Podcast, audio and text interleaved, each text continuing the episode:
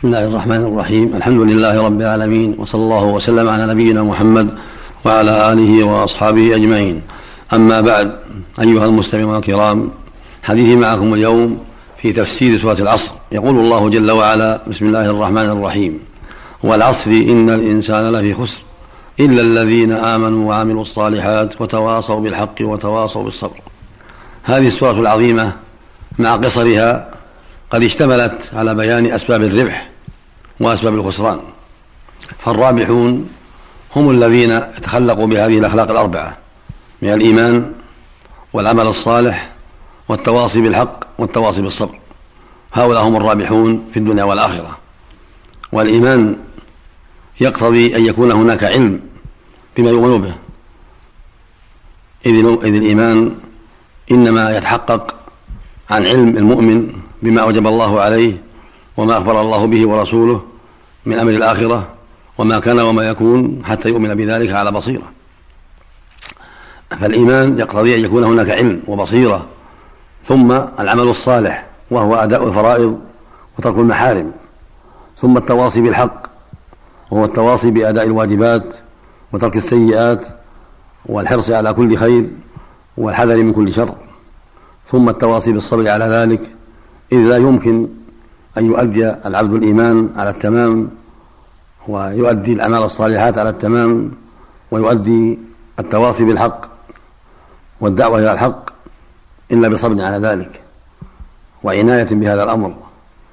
فالصبر من الإيمان بمنزلة الرأس من الجسد.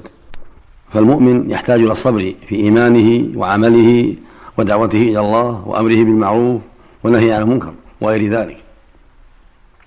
وقد أقسم الله سبحانه وتعالى بالعصر وهو الزمان الذي هو محل أعمال بني آدم من خير وشر على أن بني الإنسان في خسران يعني في نقص في أيامهم ولياليهم إلا الذين آمنوا إلا الذين تخلقوا بهذه الأخلاق الأربعة من الإيمان والعمل الصالح والتواصي بالحق والتواصي بالصبر. فالواجب على كل ذي لب الواجب على طالب النجاة الواجب على الخائف من الله الراغب بما عنده أن يهتم بهذه الأمور الأربعة وأن يعنى بها وأن يجتهد في تحقيقها وذلك بالإيمان بالله ورسوله إيمانا صادقا يثمر العمل الصالح ويثمر التواصي بالحق ويثمر التواصي بالصبر. فالمؤمن هو الذي عرف الله وآمن به سبحانه وآمن برسله عليه الصلاة والسلام وصدقهم فيما أخبروا به وآمن بما كان وما يكون على حسب ما أخبر به نبينا محمد عليه الصلاة والسلام وعلى حسب ما دل عليه كتاب الله عز وجل. هذا هو المؤمن وهذا الإيمان الصحيح المتركز على الأدلة الشرعية يثمر العمل الصالح. فكل إيمان صادق يدعو إلى العمل والاجتهاد في الخير والتواصي بالحق والتواصي بالصبر عليه.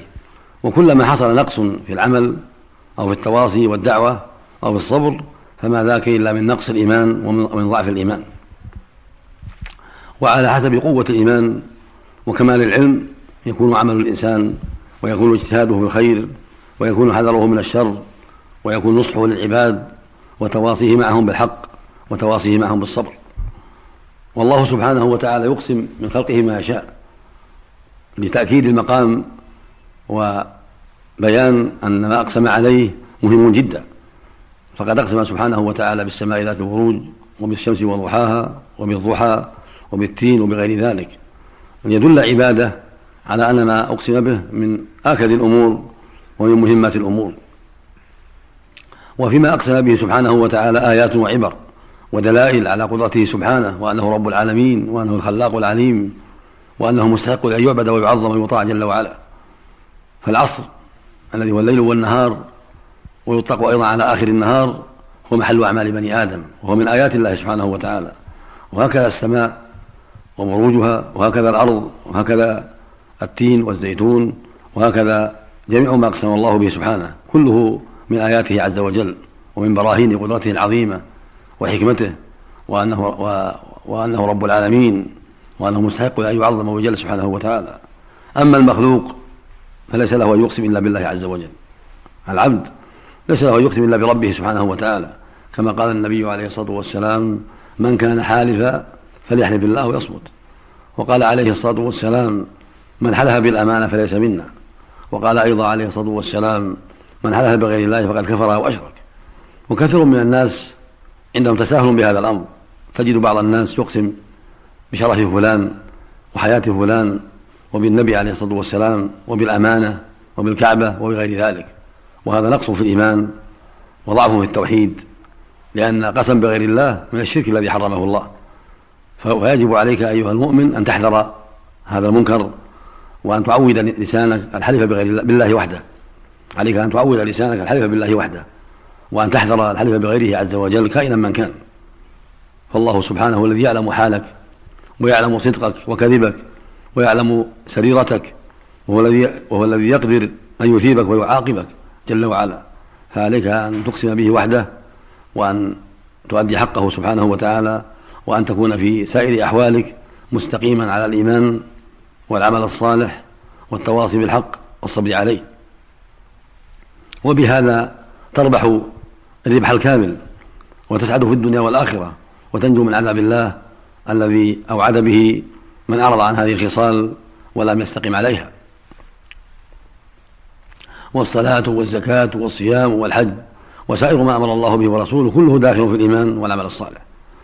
والدعوة إلى الله عز وجل والأمر بالمعروف والنهي عن المنكر وتوجيه الناس إلى الخير وإرشادهم إلى أسباب النجاة وتحذيرهم من أسباب الهلاك كل هذا داخل في التواصي بالحق.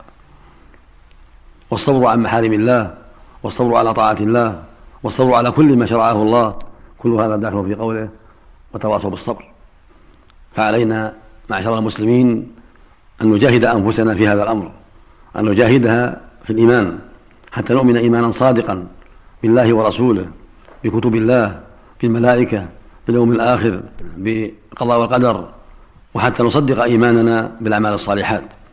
ومن الإيمان أيضا أن نؤمن بما أخبر الله به ورسوله من أخبار الماضين وأخبار يوم القيامة وأخبار الجنة والنار إلى غير ذلك.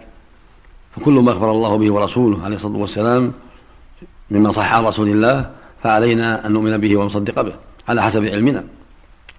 إجمالا وتفصيلا. كما أن علينا نتيجة هذا الإيمان وثمرة هذا الإيمان علينا أن نصدق إيماننا بالعمل الصالح بأداء فرائض الله وترك محارم الله والوقوف عند حدود الله. وعلينا أيضا أن نحقق هذا الإيمان بالدعوة إلى الله والتوجيه إليه. وإرشاد العباد إلى ما خلقوا له وتحذيرهم من أسباب الهلاك والتواصي معهم على كل خير وعلى ترك كل شر. وعلينا مع ذلك أن نصبر على ذلك وأن نتواصى بالصبر فهذا هو طريق النجاة وسبيل السعادة. وكلما أخل الإنسان بشيء من هذه الأمور ناله من الخسران بحسب ذلك. فإن ضعف إيمانه حتى أخل بشيء من أعمال الصالحات بأن ضيع بعض الواجبات أو ركب بعض المحارم صار ذلك نقصا عليه ونوعا من الخسران الذي يحصل له. وهكذا إذا ضعف تواصيه بالحق أو ضعف صبره صار نقصا في إيمانه وصار من أسباب الخسران الذي يناله بقدر ذلك. فعلى المؤمن أن يحافظ غاية المحافظة على كل ما وجب الله عليه وأن يحذر كل ما حرم الله عليه حرصا على كمال الربح وحذرا من سائر أنواع الخسران. والله جل وعلا هو المسؤول سبحانه وتعالى أن يوفقنا والمسلمين جميعا لما فيه رضاه وأن يهدينا صراطه مستقيم وأن يرزقنا تمام الربح والسلامة من الخسران. إنه جواد كريم. وصلى الله وسلم على نبينا محمد وعلى آله وأصحابه.